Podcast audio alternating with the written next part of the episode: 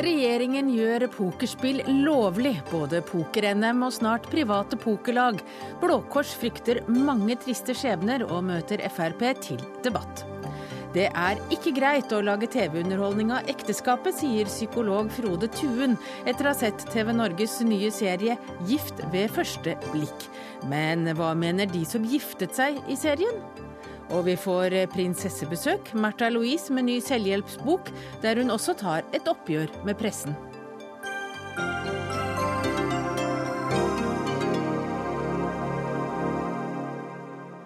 Ja, velkommen til Dagsnytt 18. Jeg heter Hege Holm, og før redaksjonen tar helg, skal vi nok rekke å snakke om kulturministerens næringslivssjargong som irriterer kunstnerne, og regjeringen som vil behovsprøve bostøtte til de som går på videregående skole. Men aller først så har det altså tikket inn nyhetsmeldinger de siste minuttene som forteller at de over 200 jentene som har vært holdt fanget av den islamistiske opprørsgruppa Boko Haram, Haram i Nigeria, skal slippes fri. Og Guri Nordstrøm, du har fulgt med på de siste meldingene. Det dreier seg altså om 219 jenter som for seks måneder siden ble bortført fra et internat. Hva vet vi nå? Eh, det vi vet, er at dette skal være en våpenhvileavtale mellom nigerianske myndigheter og da denne ekstremistgruppa Boko Haram. Eh, det er Hassan Tukur, som er talsmann for presidenten eh, Goodluck Jonathan, som sier dette. Men Boko Haram selv har ikke uttalt seg ennå, og det er derfor heller ikke kjent hvilke gjenytelser som de har fått for dette. Men det vi vet, er at eh, den nigerianske presidenten tidligere har nektet å slippe fri Boko Haram-fanger i bytte mot jentene. Hvor har jentene vært? De ble i hvert fall bortført fra en skole i Chibuk i delstaten Borno, som ligger nordøst i Nigeria.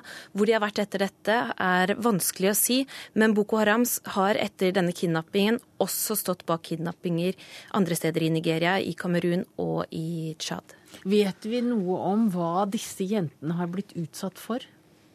Ja, Disse jentene er altså mellom 16 og 18 18 år gamle, og noen av dem skal ha blitt tvangsgiftet til eh, opprørerne som eh, holdt dem eh, fanget. Og gruppas leder Abubakar Shekau han sa også i et videoopptak i mai at deres plan var å selge enkelte av jentene.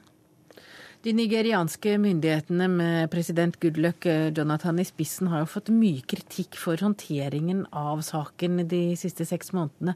Hva er det den har gått på? Ja, Han har fått kritikk for at han har gjort eh, for lite. Så sent som tirsdag denne uka så var det en demonstrasjon utenfor eh, presidentpalasset i Abuja, hvor flere av mødrene til jentene krevde handling. Han har blitt kritisert for at han ikke vil gå med på disse fangeutvekslingene. Og Forsvaret har også kritisert ham, fordi de mener at de ikke har vært rustet nok til å stoppe denne ekstremistgruppa. Og så var det jo også sånn at eh, Presidenten selv så at han på et tidspunkt begynte å få så dårlig omdømme pga. dette. Da leide han inn et amerikansk PR-byrå og betalte de 7,5 millioner eh, kroner for å få de til å rette opp ryktet. Og da det ble kjent, så gjorde jo ikke det situasjonen så veldig mye bedre. Hva slags gruppe er Boko Haram?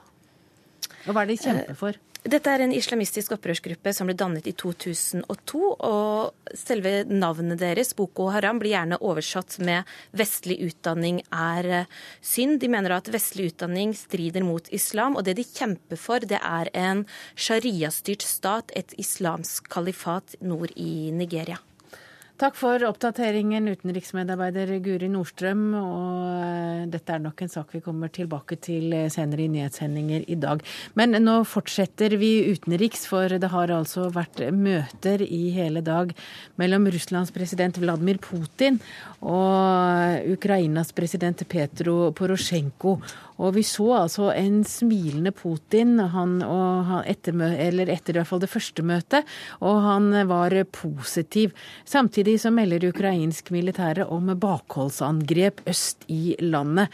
Moskva-korrespondent Morten Jentoft, hva, hva vet du om det angrepet? Ja, Det skal ha vært et angrep i uh, Luhansk, altså det ene av de to uh, fylkene, et av de to fylkene øst i landet hvor opprørerne har delvis kontroll.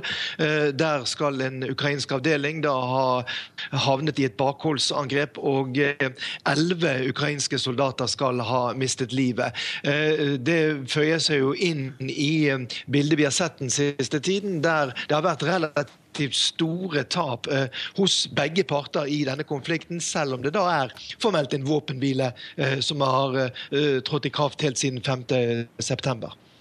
Og Det har altså vært eh, møter om saken mellom Putin og Porosjenko i Milano i dag. og Hva er det de har diskutert på møtene? De har diskutert hvordan uh, gjøre denne våpenhvilen øst i Ukraina effektiv. Hvordan få til en mer varig fred, en ro i dette området. Husk at mer enn 3500 mennesker har mistet livet i konflikten som startet i, i, i vår. Uh, det er som sagt inngått en våpenhvile. Hvordan skal den uh, effektueres? Og, det har vært et hovedpunkt. Der vet vi lite om resultatet. I tillegg til det så har de også diskutert gass. Russland stoppet jo forsyningene av gass til uh, Ukraina i, i vår pga. manglende betaling. Nå skal det være fremgang i disse forhandlingene ifølge meldingene fra Milano.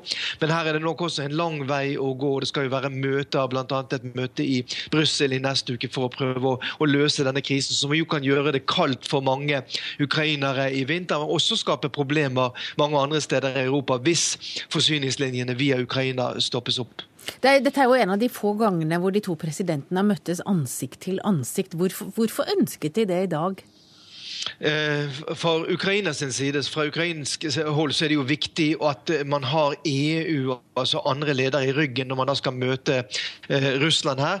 Eh, det har vært viktig hele veien, fordi at Ukraina føler at ellers så blir de overkjørt av, av russerne. sånn at dette forumet var nok et, et, et, et egnet forum sett med, med, med, med, ukrainske øyne. Nå vet vi at Man begynte da i et stort forum med mange til stede. Så gikk man ned til et mindre forum der den tyske forbundskansleren Angela Angela Merkel og den franske presidenten Francois Hollande eh, var med. Og nå snakkes det også om eh, at eh, Putin og Porosjenko skal møtes ansikt til ansikt, altså bare de to.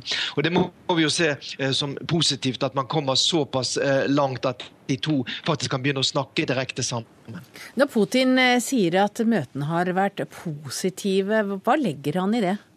Ja, Det er vanskelig å vite. Kanskje handler det om gass. Det har vært viktig for Russland å få denne gassavtalen på plass. Det er jo også store inntekter fra, uh, som går til den russiske statskassen. Uh, gjennom gassalget til Europa skapes det problemer der, så vil det gå utover russisk økonomi.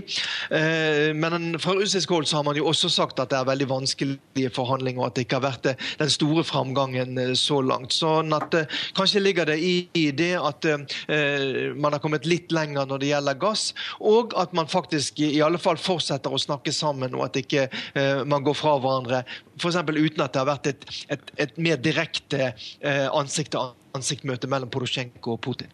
Ja, Seniorforsker ved Fridtjof Nansens institutt og Russland-ekspert Arild Moe, hvorfor er dette et viktig møte for Russland? Russland har jo på mange måter oppnådd mye i denne konflikten hvis man ser på det som har skjedd på bakken. Eh, Krim er nå innlemmet i, Russland, i konstitusjonen. Og det er eh, opprettet en eh, enklave på grensen, mellom, på grensen til Russland som er kontrollert av, av russiskvennlige krefter.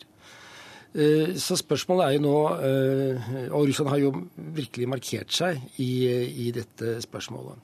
Men også selvfølgelig med betydelige skadevirkninger innad i Russland på økonomien.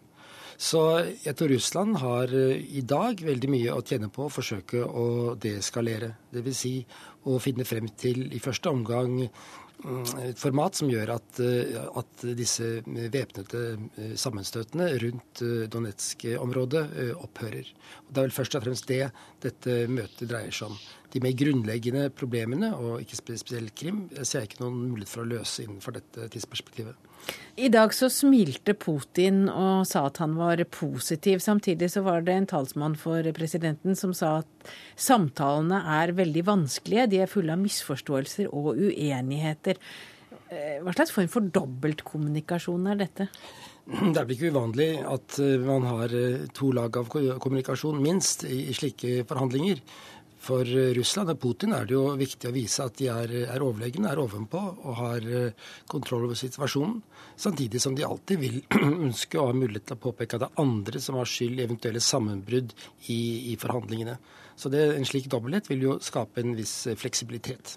Hvilke fortellinger forteller Kreml til eh, russerne om dette møtet?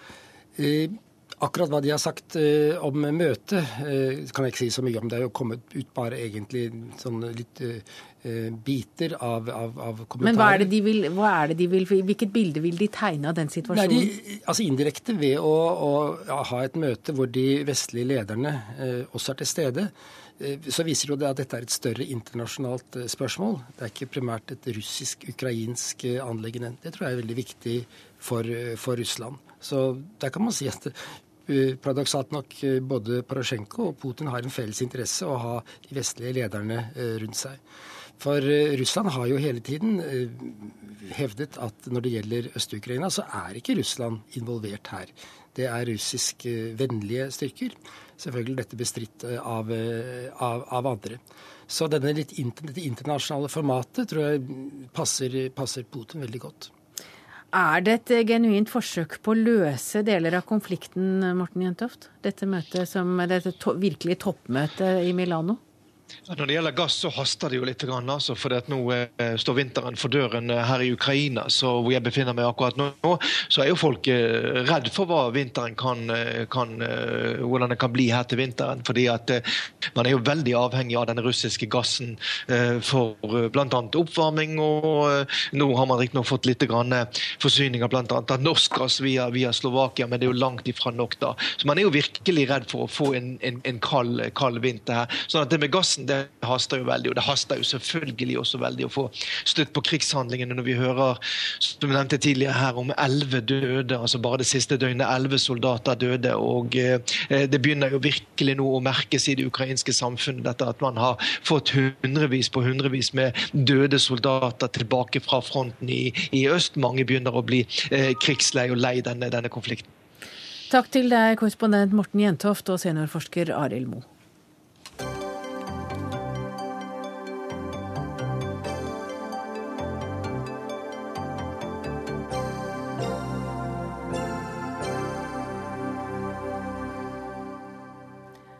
I dag har alle elever som går på videregående skole og i bor mer enn fire mil hjemmefra, et borteboerstipend på 4157 kroner i måneden.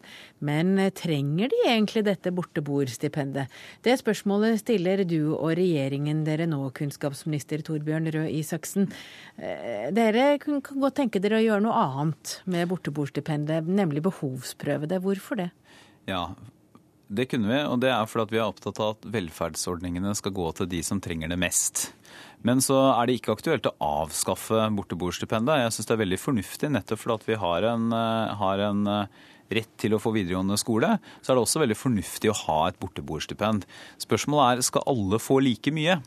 Eh, og det vi har foreslått, det er at eh, husholdninger som har en samla inntekt på over 1,1 millioner, de får redusert bostipendet sitt. De som eh, er, har en inntekt på under 760 000 kroner i husholdninga, de vil få 100% som i dag. Og så er det også et trinn imellom der. Ja, For du mener at de som tjener over 1,1, de kan klare å forsørge barna sine selv? Nei, ja, Det mener jeg jo da ikke, for jeg mener jo fortsatt at de skal få et borteboerstipend. Men ikke 4000? Men ikke fulle 4000 kroner som i dag. Eh, og det er, handler rett og slett om den store diskusjonen her er jo eh, hvordan skal vi sikre at vi har et velferdssystem som treffer de som har har mest behov for det. De som har dårligst råd, og ikke da treffer alle. Vi har jo også tatt en ganske stor opprydning i stipendordningene nå i videregående skole, hvor vi hadde et system som kosta over en milliard i året, hvor fire av ti elever i videregående skole fikk et behovsprøvd stipend. Og da er, det, da er, det, altså sånn at fire av ti elever har ikke behov for det. Fire av ti elever kommer ikke fra hjem med dårlig råd. Da økte vi isteden stipendet med 1000 kroner i måneden til de som trenger det mest. Og så sa vi at vel, andre får klare seg uten. Og Dette syns ikke dere er noe god idé, Benjamin Schiaker Myrstad. Du er leder i Elevorganisasjonen. Hvor, hvorfor øh, syns dere ikke dette forslaget fra regjeringen er et godt forslag? Nei, først og fremst så må man si at det er, det er veldig bra at departementet foreslår de endringene i justering i grunnstøtten. Det er etterlyst fra veldig mange øh, i veldig lang tid. Men grunnstipend og bostipend det er to helt forskjellige støtteordninger med to veldig forskjellige formål. Grunnstipendet det skal være med på å utjevne sosiale forskjeller. Og bostipendet det skal brukes for å sikre at alle elever har rik, lik rett til gratis opplæring. Um, for du, du, kan ikke behovsprøve gratisprinsippet. Uh, og spørsmålet vi, vi stiller oss her, er jo hvorfor skal foreldre måtte betale for at deres barn, deres ungdom, har lyst til å studere noe som ikke tilbys i nærmiljøet. Det er ofte de som får eh, borteboerstipend, elever som spesielt fra distrikter, som må dra eh, lenger unna for å gå på en linje de ikke har eh, i nærmiljøet. Så hvorfor skal elever være avhengig av foreldrene sine eh, for å gjennomføre den opplæringen de ønsker selv?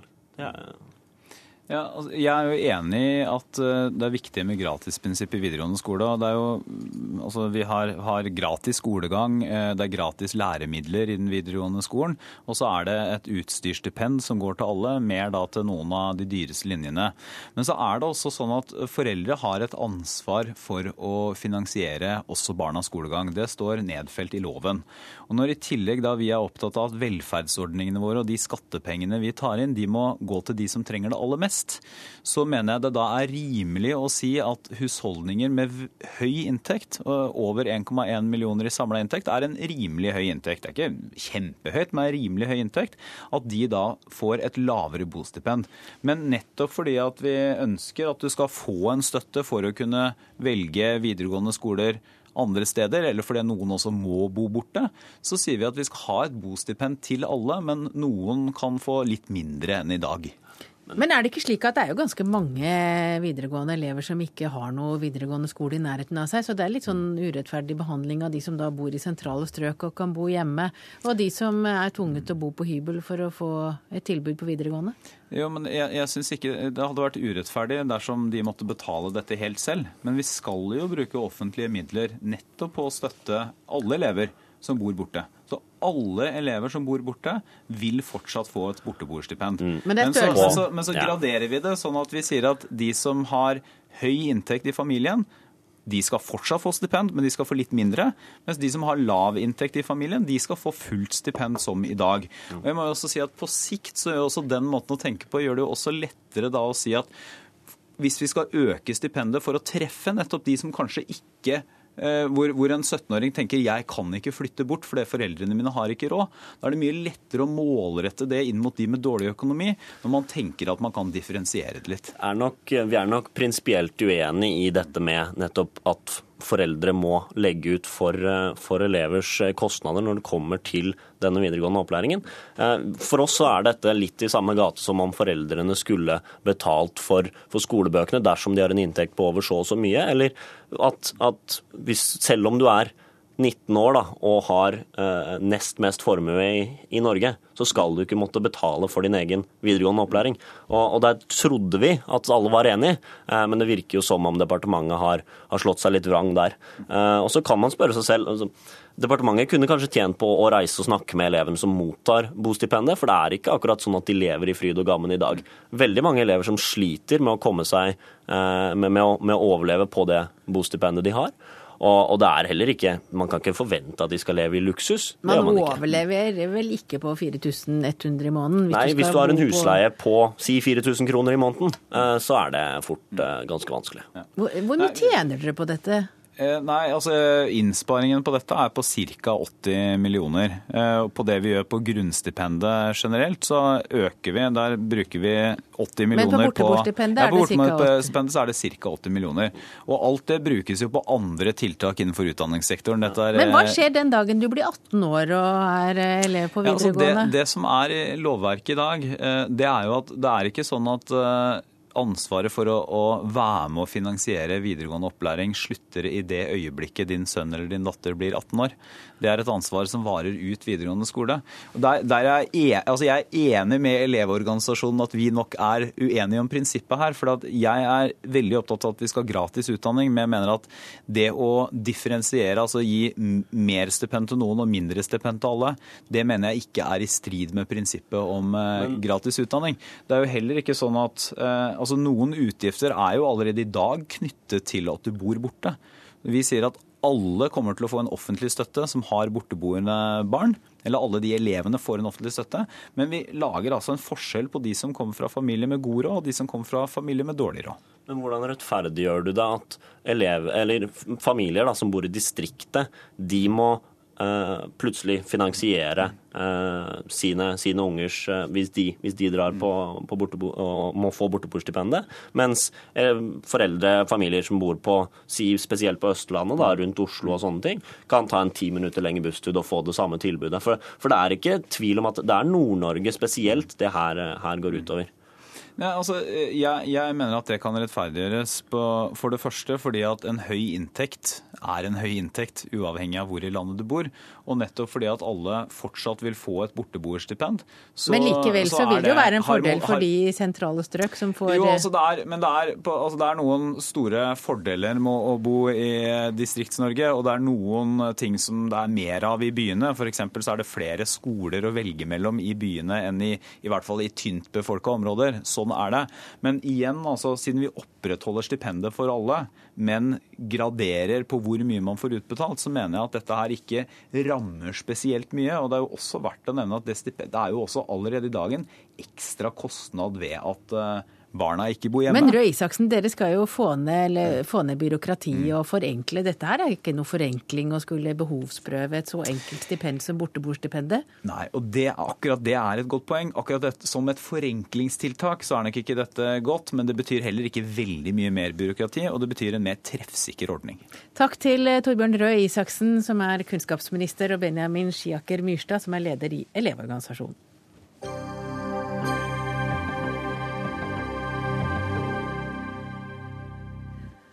Vi skal snart snakke om en omstridt TV-serie der ekteskap arrangeres med folk som aldri har møtt hverandre før. Noen mener det er misbruk av ekteskapet. Men først skal vi snakke om politikk og eh, retorikk. Mens den rød-grønne regjeringen gjerne trakk fram fellesskap, likestilling og mangfold i sine festtaler om kulturen, bruker kulturminister Toril Vidvei helt andre ord. Hun eh, snakket da hun la fram statsbudsjettet i forrige uke om inntjening forretningsperspektiv, om entreprenørskap og om næringspotensial. Og disse ordene hører ikke hjemme i en tale om kultur, mener du Marianne Hurum. Du er styreleder i Unge kunstneres samfunn. Hvorfor det? Ja, vi i Unge kunstneres samfunn mener at det, det, er litt problematisk og litt tåkeleggende å bruke såpass mange låneord fra næringsliv og idrett i utformingen og omtalen og diskusjonen av en kunstnerpolitikk som vi alle er ute etter å, å kunne diskutere på en reell måte. Med ja, begreper vi kan være enige om. Hva ja, betyr. Ja, Hvorfor det? Er det fordi dere ikke er enige om innholdet i begrepene?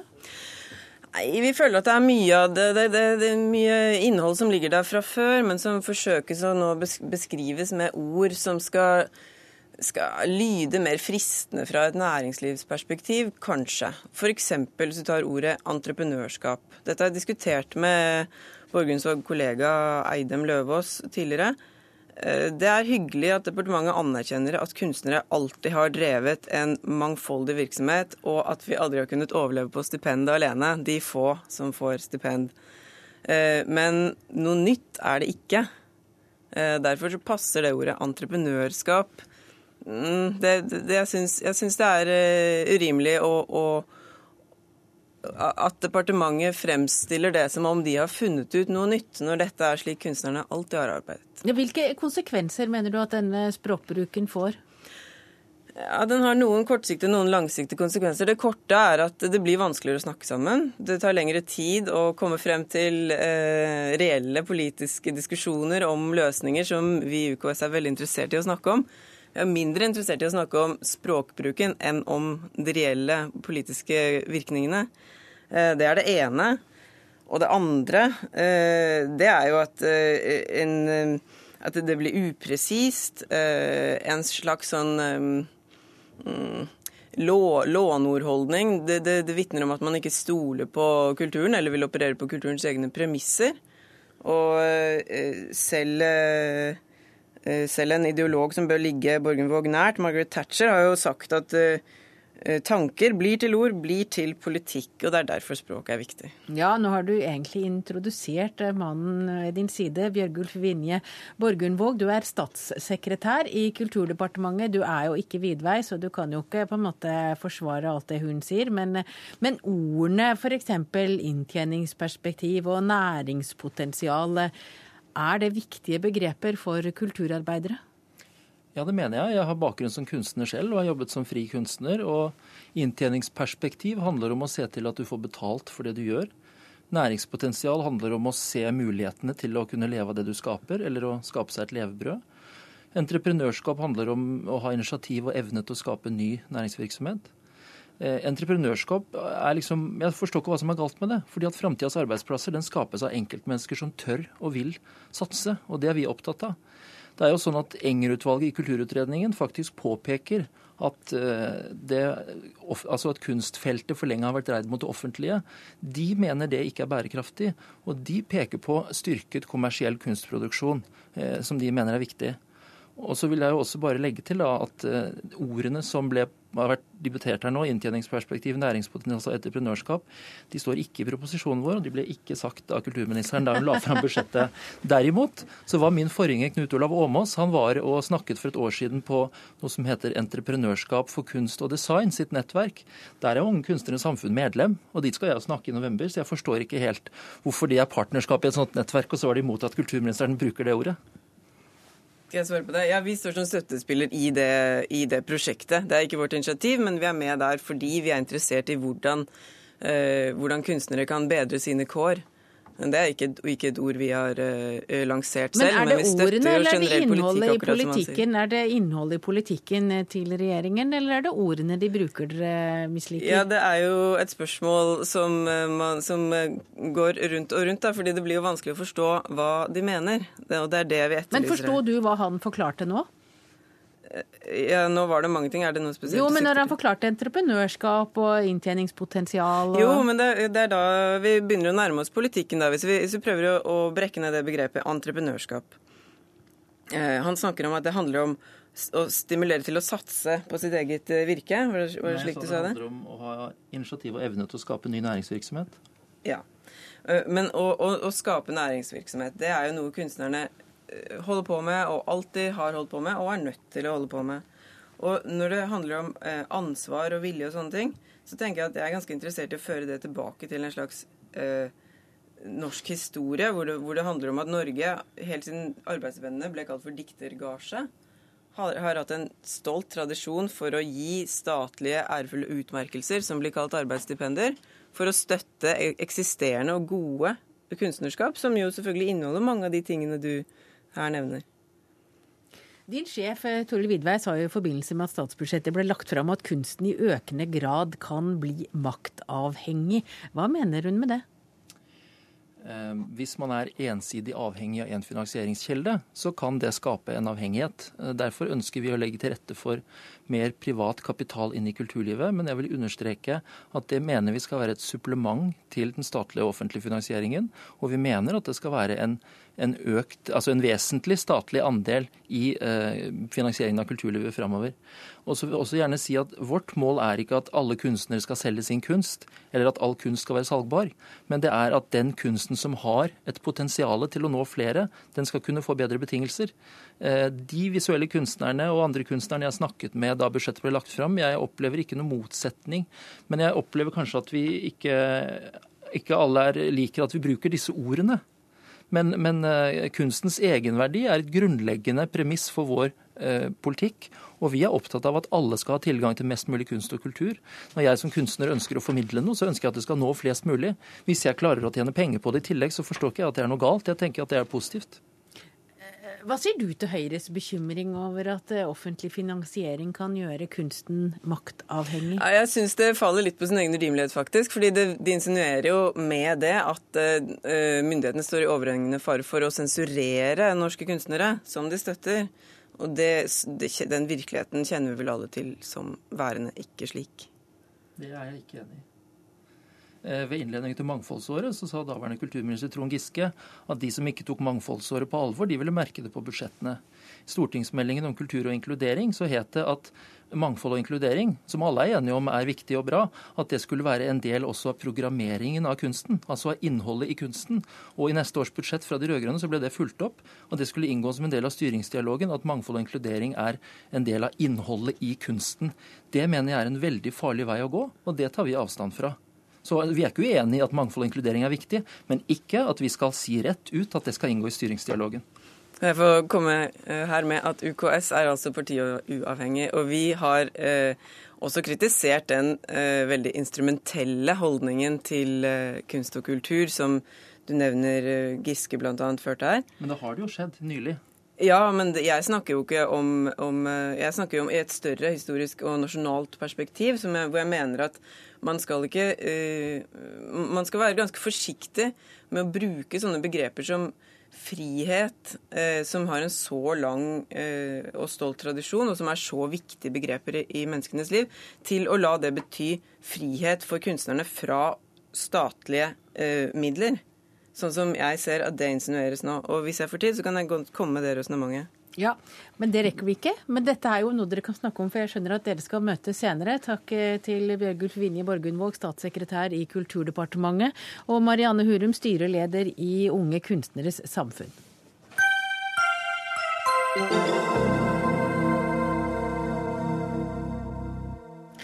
Ja, nå skal det altså dreie seg om et omstridt TV-program.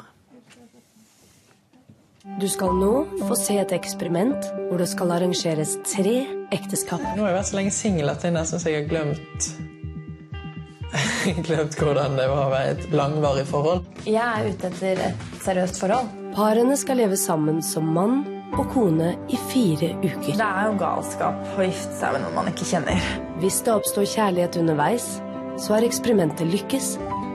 Hvis ikke blir de skilt. Tenk hvis jeg aldri trenger å date igjen. Ja, tenk om det. Ja, TV Norge arrangerer altså denne høsten ekteskap mellom vilt fremmede mennesker som møter hverandre for første gang ved alteret. I stedet har de overlatt til to psykologer, en sosialantropolog og en prest å finne ut hvem som matcher hverandre.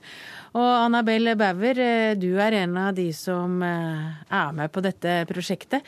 Eh, hvorfor i alle dager har du latt TV Norge bestemme hvem du skal gifte deg med? Det er jo håpet om å få det til, da. Å finne, at de kan finne en mann til meg som jeg kan dele hverdagen med. Alle parene i den danske utgaven av serien, de ble jo skilt. Mm. Hvorfor trodde du at dette kunne fungere for deg? Altså, når jeg hørte at de alle er skilt i Danmark, så er det klart man blir mer skeptisk om dette kan fungere. Men jeg tenker også at um, man må begynne litt med blanke ark. Det er nytt utvalg av deltakere, det er nye eksperter, det er nye matchinger som skal lages. Og håpe om at det går bedre denne gangen. Og i USA så er jo faktisk to av tre par sammen i dag, et halvt år etterpå. Så det, dette kan gå. Men kan du fortelle litt kort, dere er jo ferdig med det, og dere, ja. dere sitter jo med en slags fasit. Hvordan var det det foregikk? Åh, det var en utrolig eh, morsom, interessant opplevelse. Det er noe av det største jeg har vært med på hele mitt liv. Um, og eh, jeg var veldig ute etter hva slags program er dette. fordi det høres jo litt ut som sånn søppel-TV, gifte seg med en eller annen fremmed. Og jeg tenkte at eh, er det sånn TV3 Paradise Hotel, så gidder ikke jeg være med på dette. Men jeg skjønte ganske fort på prosenten at det er et ganske seriøst program, og ekspertene og fagfolkene er veldig seriøse. Eh, så jeg ville gå god for det, da. Og Eh, vi ble liksom tatt vare på fra dag én, og de har, de har holdt et løfte om å ikke redigere oss fram til noe vi ikke kjenner igjen. Så eh, det har vært en utrolig fin opplevelse. Og du faktisk. ble da gift med Vebjørn? Ja, det stemmer. Vebjørn Tveiterås. Ja. Hvordan var det å bli gift med et menneske du aldri har møtt før? Nei, Det var jo òg første gang jeg giftet meg, så jeg har ikke noe å sammenligne med. Men Det var jo som Anna vel sier, og eh, kanskje mitt største eventyr, da. Det, det, er jo en lykkerus blandet med en utrolig frykt eh, for at det ikke skal gå, og et utrolig håp om at kanskje denne gangen Syns du de var flinke til å finne noen som matcha deg? Ja, uten å, uten å røpe noen hvordan det har gått med noen av parene, så eh, min forståelse er at alle var enige om at de så hvorfor parene var så sammen som de ble. Altså alle vi deltakerne. Vi så at OK, det, det her skjønner vi hvorfor ekspertene har satt oss sammen på denne måten. Så skal ikke si noe om hvordan det gikk, da. Men hvordan gikk bryllupsnatta? Det må jo være helt utrolig kleint. Plutselig er dere gift uten å ha møtt hverandre ja, før? Men det er et eller annet uh, Vi to var på en måte de eneste som skjønte hvordan det var òg, så man connecter litt over det òg. Og vi fant veldig kjemien med en gang. Så bryllupsnatten så snakket de sammen uh, hele natten. Jeg så tror jeg tre minutter den natten. Men du rekker jo ikke å runde hverandres liv, men, uh, så vi måtte sette strek til slutt og prøve å få oss litt søvn. Hva har du lært av eksperimentet? Og jeg har lært for det første veldig mye om meg sjøl. Eh, og ikke minst eh, veldig mye om forhold og kjærlighet. Mm. Og fått eh, blitt utfordret veldig på en del av dette med hvor tilfeldig ting er, eventuelt hvor lite tilfeldig det er. Og med det mener jeg at det er ikke så magisk, alt med kjærlighet. Det er ikke sånn at forhold bare enten klikker det ved første blikk, mm. eller så gjør det ikke det. Man kan faktisk jobbe med det. Det har jeg lært. Frode Tuen, du er professor ved Høgskolen i Bergen, og du er samlivsekspert. Du har ikke noe tro på at dette kan ende i lykkelige ekteskap. Hvorfor det? Ja, så la meg si det at det kan jo selvfølgelig skje det, men, men, utgangspunktet er vel kanskje ikke så veldig bra når man kommer sammen på den måten. Det er jo en veldig spesiell måte å, å, å bli gift på, da, for å si det sånn. Og um, det har gått dårlig med de i Danmark, og vi vet ikke akkurat hvordan det går med de i, USA som bare har vært sammen i et halvt år. Men, men, det som jeg har vært mest kritisk til, er jo altså at man trekker ekteskapet inn i en sånn reality-CV. Jeg mener at ekteskapet er en ganske alvorlig institusjon. Det er et alvorlig valg. Man skal ikke leke med det. og Det er det jeg kanskje er mest kritisk til, eller skeptisk til i forhold til denne serien. Ja, Hvordan mener du at man leker med det? Nei, fordi at uh, Det er jo ikke slik man inngår ekteskap i vår kultur. Og det er faktisk ikke heller slik det foregår, eller tilnærmelsesvis slik det foregår i andre kulturer som, som praktiserer arrangert ekteskap. Så dette er jo veldig tilgjorte og spesielle situasjoner, og ikke minst etter at kamera følger med, og, og når man treffer hverandre første gangen når man skal, idet man skal gifte seg. Slik at um, egentlig så bruker man her ekteskapet som en, en, ramme for å lage underholdning, samtidig som man da på en måte eh, undergraver ekteskapets posisjon. Og det syns jeg er veldig betenkelig. Men gjør ikke alle skilsmissene det for seg selv, og undergraver ekteskapets eh, institusjon som institusjon? Jo, det kan du si, men altså det er jo, altså det er jo ikke underholdning. Altså Når folk eh, skiller seg, så er det jo fordi det er en trist eh, endelikt på et forhold som man hadde håpet skulle ende, eller skulle vare. Men her er det jo, er det jo på en måte laget som en underholdning for å se om kan, kan dette gå da, på denne måten. Og det, som sagt, det statistiske utgangspunktet, eller muligheten, sjansen, er jo ikke så veldig stor. Espen Skoland, du er kommunikasjonsdirektør i TV Norge. Dere misbruker ekteskapet som institusjon, hører vi Tuen si her. Hvordan har dere vurdert selv? La meg begynne med å si at jeg er helt enig med, med Tuen i en ting. Og det er at dette er jo et alvorlig tema. Men jeg mener at det må gå an å lage underholdning av et viktig tema. Og kanskje er det noen ganger det som skal til for at vi ser et samfunnsproblem i et nytt lys. Og det er jo egentlig det vi gjør. Altså For i dag er det sånn at det er faktisk stadig flere som benytter seg av personlighetstester øh, gjennom datingsider i jakten på en rette. Men det er altså 45% av alle som gifter seg, skiller seg. Eh, så det er jo denne samfunnstrenden vi tar tak i. Og så setter man litt på spissen. Selvfølgelig, det gjør vi jo. Men dere kunne jo bare matche parene og se om det, om det endte i ekteskap? Ja, vi kunne det. Og, og, selvfølgelig, altså det er jo vanskelige aspekt med dette som vi har diskutert på forhånd. Skulle de gifte seg på skikkelig, eller var det nødvendig? Vi, men, vi men, det er helt på skikkelig? Det, det, det er helt på skikkelig, ja. De har signert papir på dette, og må signere papir hvis de skiller seg. Men det vi kom fram til, er at hvis vi skal gjøre dette eksperimentet, ja, det er underholdning. Men det kan også skape litt debatt og refleksjon, og det er jo det, er jo det vi har ønska.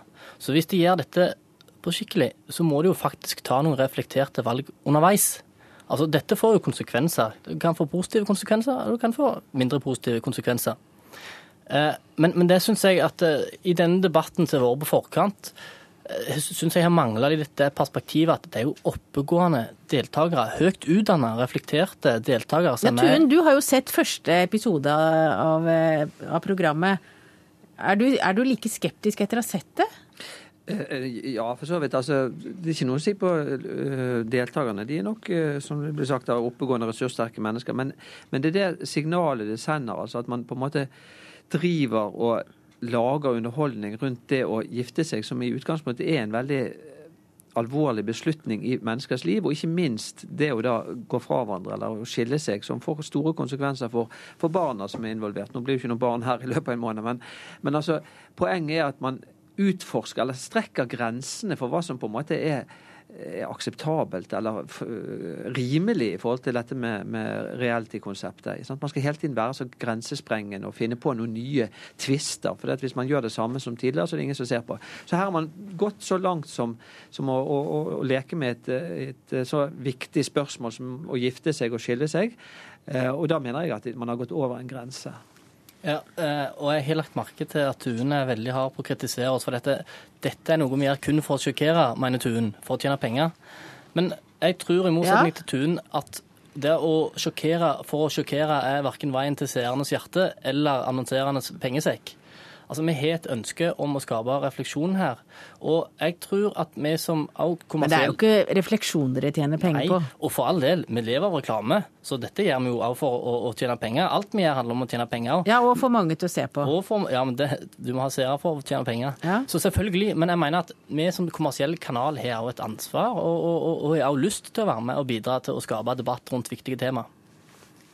Eh, jeg vil bare si at Det er kjempevanskelig å date i dag. Det er masse forpliktelsesangst ute i samfunnet, og folk tør ikke å forplikte seg. og Det gjør det veldig mye vanskeligere også å dele.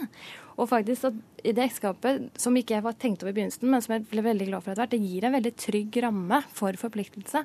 Og man tør plutselig å dele med meg, for man er ikke like redd for å skremme hverandre vekk. da. Så egentlig var det en veldig sånn behagelig og mye deiligere måte å date på. For jeg syns dating i dag er dødsvanskelig. Og Tune har sikkert ikke datet siden 80-tallet, han vet ikke hvordan det er i dag, da. jeg føler mye kritikken baserer seg på et premiss om litt som at ekteskapet fremdeles er det det var for 200 år siden. Og det er jo ikke sånn at man er gift til døden skiller oss ad lenger. Man er gift til det ikke fungerer. Men fire uker er jo litt kort, da. Jo, men de har et valg. De kan jo få bli gift, da. Ja, det er ikke sånn vi må skilles etter fire uker. Og, og, eh, men selv alle som skiller seg, det betyr ikke at de ikke tar ekteskap alvorlig. Og selv vi som deltakere betyr ikke at vi ikke tar ekteskap alvorlig. Nettopp fordi vi tar det alvorlig, så gir det dette programmet mye mer tyngde, da.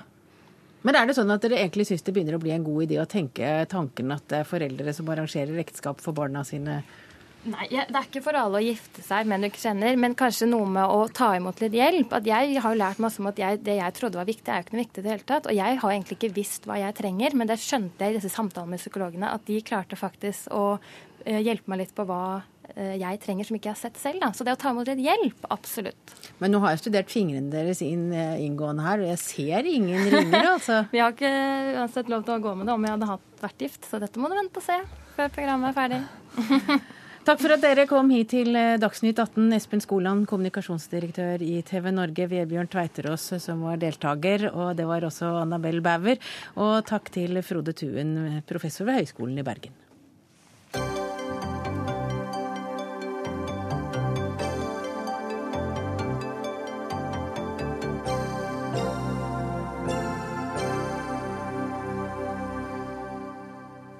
Det kommer en eh, prinsesse til Dagsnytt 18 i kveld som skal fortelle om år der hun ble forfulgt av menn med kamera.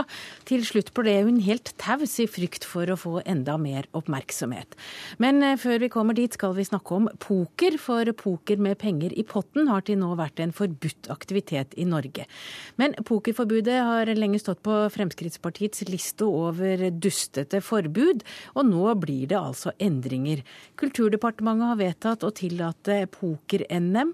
At det skal arrangeres her i Norge, og sender samtidig ut forslag om å tillate private pokerlag. Og Morten Stordalen, du er stortingsrepresentant for Frp. Hvorfor er det viktig å la hele folket spille poker? Nei, men eh, Det er som du innleder med sjøl, et dusteforbud som har vært. Dette er en, en av alle de dusteforbudene. Jeg sa at dere mener det er et dusteforbud. ja, eh, og, og, det mener jeg fortsatt er et dusteforbud. Dette spilles altså rundt i hele verden og har vært spilt i på en måte flere hundre år. Man har spilt på kort. Eh, og dette her har utvikla også til å bli turneringer rundt også. Ikke bare i forhold til NM, som da må spilles utenlands per i dag, men spilles over hele verden.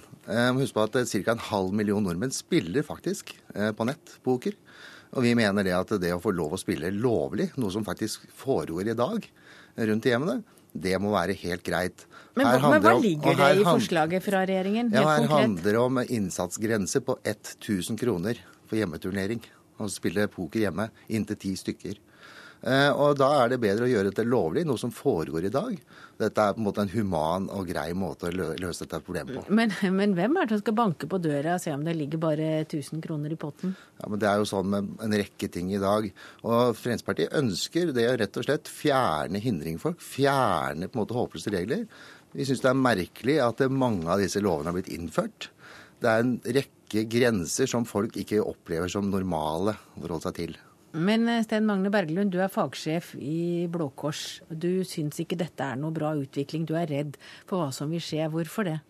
Ja, Vi er veldig bekymra. Eh, gambling og eh, pengespill det fører til store problemer i samfunnet. Vi vet at over 100 000 mennesker har et problematisk forhold til pengespill, og poker er en av de tingene som folk har et avhengighetsforhold til.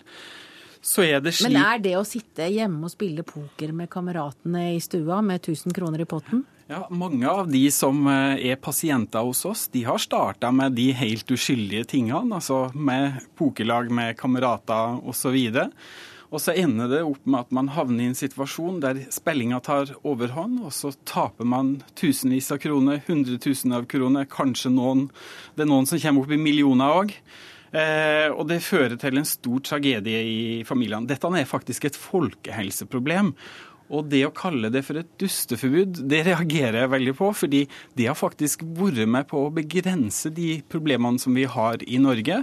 Og vi frykter jo at akkurat dette forslaget her vil føre til at eh, flere får eh, At det er akseptert å spille poker, og flere vil få problemer. Eh, det er viktig å nevne at Når man åpner for dette, her, så handler det om at det er regulerte former. Det handler om at man får kontroll. Det er faktisk da for offentlige tall, offentlig statistikk, mye lettere også å kunne gå inn dersom man snakker om spilleavhengighet, spillegalskap. Men det som forundrer meg, det er hvor er Blå Kors da i debatten? Norsk Tipping. som kommisjonær så er det altså et grense, innsatsgrense på 100 000 per uke. Eller 300 000 per måned, som er innsatsgrense hos kommisjonær. Da hører ikke Blå Kors når man snakker om 1000 kroner. Fordi at spillet har et annet navn. Da lurer jeg litt. Da må jeg bare si det at Dette har jeg diskutert med Fremskrittspartiet før, og vi har gått sterkt imot eh, den utvidelsen av Norsk Tipping sine pengespilltilbud. Vi tror også at de har også ført til flere problemer. Så der har han kanskje ikke følt med i debatten. Jeg vil tilbake til det som Stordalen sa om kontroll.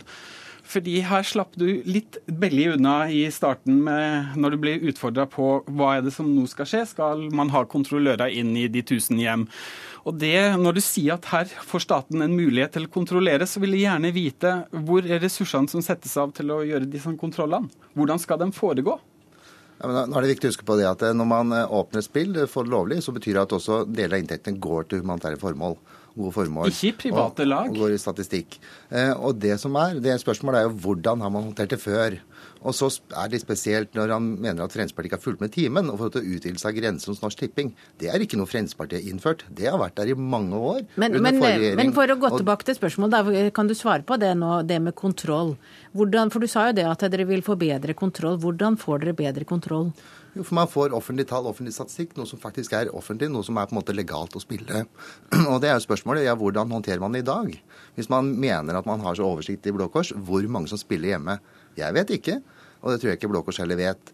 Det blir på en måte en litt lettvint påstand å si det at eh, da blir det vanskelig å kontrollere. Da er det bedre fjern de reglene. Vi vet at folk spiller. Og så er tillit Men i dag er det jo ulovlig, så da er det jo ikke lov. Ja, men vi vet at det foregår. eh, Ganske stort monn. Og da er det på en måte forhold til Pokerforbundet sjøl som sier at dette brukes, altså spilles mye rundt omkring. Og da er det å gjøre dette lovlig.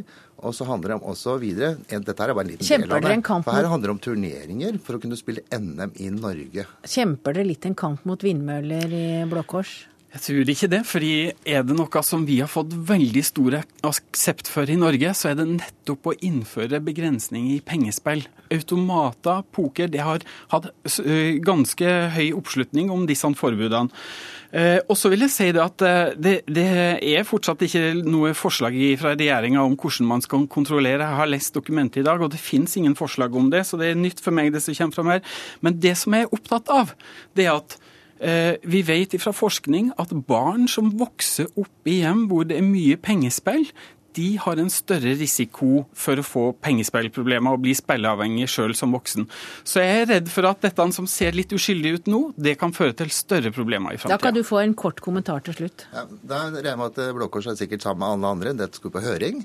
Så kommer man med på en måte innspill på høringen, så får vi se hva vi gjør i Stortinget etterpå. Men dette her er fornuftig. Det handler om å fjerne reguleringer og begrensninger som folk opplever som på en måte meningsløse. Takk til deg, Morten Stordalen, stortingsrepresentant for Frp, og Sten Magne Berglund, som er fagsjef i Blå Kors.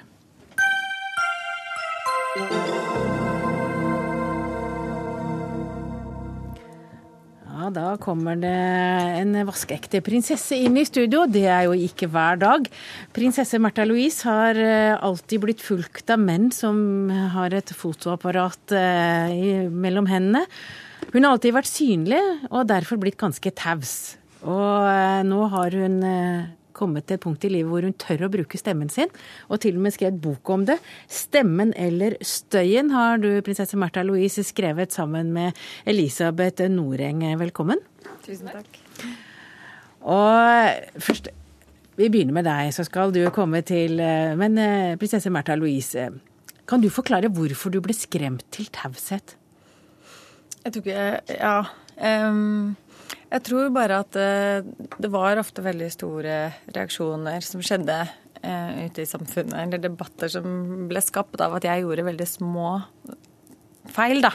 Eh, og dette er jo da jeg vokste opp, så nå er jeg tenåring, liksom. Eller da var jeg tenåring. Og, og, og det, det ble ganske skremmende etter hvert, at det, at det var så lite som skulle til. Og, og alt var jo veldig regissert, regissert da jeg vokste opp. Altså, eh, talene var skrevet, og vi gikk gjennom spørsmål og svar veldig nøye for at jeg kunne bli trygg, da. Sånn at jo mer synlig jeg ble der ute, jo tausere ble, ble jeg egentlig. Eh, og det tror jeg kanskje mange kan kjenne seg igjen i dette å, å ha en maske som man lever ut i livet. Men du Eh, skriver også at man- pressen er ganske, var ganske ufin. ja, altså på 80-90-tallet så, så drev de nok litt annerledes enn de gjør i dag, heldigvis. Eh, at i dag er det litt annerledes. Ja, Hvordan da? Nei, de hadde litt andre metoder da enn det de bruker nå. Men hvordan var det du følte deg forfulgt når du skriver om menn med kamera, f.eks.? Ja, det, altså det er jo også igjen en sårbar fase av livet hvor det var paparazzi eller journalister eller fotografer da, som satt utenfor leiligheten min 24 timer i døgnet, ble forfulgt i bil, i båt. De, hoppet, altså de tok bilder eh, på en lang avstand som ikke visste at de var der. Eh, plutselig dukket de opp. Så det var en veldig sånn Jeg følte at privat, det var ikke noe som var privat, eh, og at Jeg følte et sted at jeg mistet litt kontroll da over livet mitt. Følte du deg som et offer? Mm, nei, mer det at jeg ble frarøvet det private delen. At jeg liksom var veldig hudløs i det, da, tror jeg. Eh, og, at, og igjen dette med å, å ta Å begynne som min mormor alltid sa det, og, og det handler ikke om hvordan man har det, men hvordan man tar det. Og det der å begynne å snu den biten med at eh, sånn som jeg tar dette, det funker veldig dårlig. Nå må jeg begynne å ta tak i livet mitt og begynne å snu på noe her inne for at den situasjonen der ute skal bli lettere å håndtere. Og det er jo det denne boken handler om. Men så, ja, så skjedde det jo det. Et turning point tror jeg må være da Ari en dag foreslo at du skulle overta hans spalte sammen med Elisabeth i VG. Mm. Da ble du redd, men Elisabeth ble glad. Og Elisabeth Noreng, du er eh, engelskskolegründer sammen eh, med Märtha Louise, og du er medforfatter. Hva sa du for å overtale prinsessen til å være med på å bli en del av den pressen som i mange år hadde fulgt etter henne? Ja, for det, som sagt, så når hun fortalte fortalte til meg, så var hun sånn Ja, vi har fått tilbudet, men nei, jeg tror liksom Var ganske skeptisk. Bare, ja, hun var superskeptisk. Og jeg bare syntes det var en helt fantastisk mulighet og en fantastisk idé. Det at vi kunne få lov til å skrive i pressen med våre ord, våre bilder på det, våre historier, enn at Fordi vi har jo Jeg har jo ikke like lang erfaring i pressen som henne, men jeg har jo vært nå i syv år. Um, og jeg opplever jo at vi kan si veldig veldig mye, og så tas ting ut av sin kontekst. Og så slås liksom små ting opp til noe mye større, eller at det blir spissformulert og gjort litt sånn annerledes. Så jeg syns det var en utrolig flott mulighet til å få lov å skrive selv. Hva har du brukt muligheten til? Det har vært en fantastisk prosess å gå fra det å være veldig avfylt av frykt da, og redd, til å, til å, faktisk ta ordet og bare bli veldig engasjert og eh, se at eh, når jeg snakker om ting som er, er viktig og som jeg er opptatt av, så, så kom det jo ikke denne flommen av, av skepsis og debatt og kritikk som jeg hadde forventet. Så det var jo også en en fin opplevelse. Mm. sånn sett. Men, men, nå har dere jo vært på begge sider. Da. Du har vært eh, både forfulgt, og nå har du på en måte også vært eh, en av de som har vært utøvere. Og, og dere må jo ha fått et litt sånn vanskelig forhold til pressen. For jeg tenker på den ene siden eh, fiende, på den andre side venn. Og når dere mm. skulle uh, lansere Engleskolen, så var dere litt overraska, for ingen oppdaga nettstedet deres. Ingen så det. Du dro på ferie. Hvordan skal vi få markedsført? Hvordan skal vi få folk til skolen? Ja, ikke sant. For det er jo litt det her når vi startet, så hadde vi bare noen veldig sterk eh, følelse at dette skulle vi gjøre. Vi gikk jo ikke til noen medierådgiver i Norge f.eks. og spurte du, tror du det er en god idé at uh, Norges prinsesse starter en skole, selvutviklingsskole med litt kommunikasjon med engler og sånn. Eh, Vet ikke vi, om det hadde gått så bra, egentlig. Nei, jeg tror, jeg tror kanskje ikke vi hadde gjort det i det hele tatt. um, så vi lagde jo bare denne siden i skjul og tenkte vel egentlig Vi hadde vel egentlig ikke tenkt sånn veldig mye fremover på videre markedsføring og hvordan det skulle gå. Og så plutselig så dro du på ferie og så bare tok det helt av? Det kan man trygt si at det gjorde. Det ble veldig mye støy. Men det som var for min, mitt vedkommende, da, det var det at jeg, jeg hadde ikke tenkt så mye på det i forkant. Så når det skjedde, så måtte jeg bare forholde meg til det. Da var det bare sånn OK, ja, nå var det det som skjedde. Ja, da får man forholde seg til det. Så jeg var jo aldri redd sånn før vi startet på at å, hjelp, hvordan skal dette egentlig bli, og hva er konsekvensene, og, og, og mye sånn frykttanker inn i fremtiden. Det var mer sånn dette vil vi gjøre. Og så har vi egentlig tatt alle de tingene som har kommet sånn underveis i løpet av de syv årene som har gått. Og nå er dere blitt tøffe. Dere tør å si hva dere vil. Dere har fått stemmer, dere bruker stemmene, dere mener, og dere følger deres egne hoder og lyster. Og dere er ikke så lenger så opptatt av hva folk tenker, for det har jeg lest i boka i dag. Ja. Og det ja. mener dere at andre skal gjøre òg. Men en av de tinga dere da har gjort som har sjokkert eller overraska, og som har fått kritikk igjen, og det må dere jo ha visst, det er jo at dere f.eks. inviterte amerikanske Lisa Williams til å komme hit. Hun hevder at hun er kjent fra Gud Gud, og at hun kan formidle kontakt mellom eh, publikum og døde personer. Hvorfor gjorde dere det? Eh, vi hadde et utrolig flott møte med Lisa Williams, og vi inviterte henne hit til en workshop som varte i syv timer. Eh, som inneholdt veldig, veldig mye forskjellig. Og det som jeg syns var veldig fint med det, er at vi alle tre er spirituelle, men vi har veldig forskjellige ståsteder og forskjellige vinklinger. Eh, sånn at eh, ja. Men, men Märtha Louise, du har da fått kritikk for det mange mener at eh, du ikke kan både representere kongehuset og samtidig har slikt samarbeid. Hva svarer du til det? Ja, jeg mener jo at det, den, det går veldig fint. Jeg, jeg, forstår den kritikken. Jeg skjønner at det, at det, kan være vanskelig å forstå, og, og at det kan være kritikk for de tingene vi holder på med. Det er jo ikke helt sånn vanlige ting Nei, det, vi gjør. det er jo ikke verdt. Men har, det, har, du kontakt med døde? Kan du formidle slik kontakt som Williams? Nei, ikke på den måten. Jeg, jeg opplever altså sånn helt personlig, da. Eh, så hadde jo jeg en venninne som døde i januar, eh, og Annbjørg. Og, og, og det å og minnes henne og kjenne på den kjærligheten jeg hadde til henne, og også eh, oppleve at hun er rundt meg fremdeles, har jo hjulpet meg gjennom den sorgprosessen. på den måten. Og det var det vi rakk av dere i dag. Takk for at dere kom, prinsesse Märtha Louise og Elisabeth Noreng. Vi skulle jo snakket om den grønne damen som kom ut av eika på Hankø, men det rakk vi ikke. Dere har iallfall skrevet boken 'Stemmen eller støyen'. Og før vi takker for oss i dag, så må vi ta med at i det svenske forsvaret opplyser de nå at det er aktivitet fra en utenlandsk ubåt i Stockholms skjærgård. Følg med på NRK2, nrk.no og NRKs sendinger. Ansvarlig Andrea Kvamme Hagen, det tekniske hadde Finn Lie. Jeg heter Hege Holm, og jeg ønsker dere alle en riktig god helg.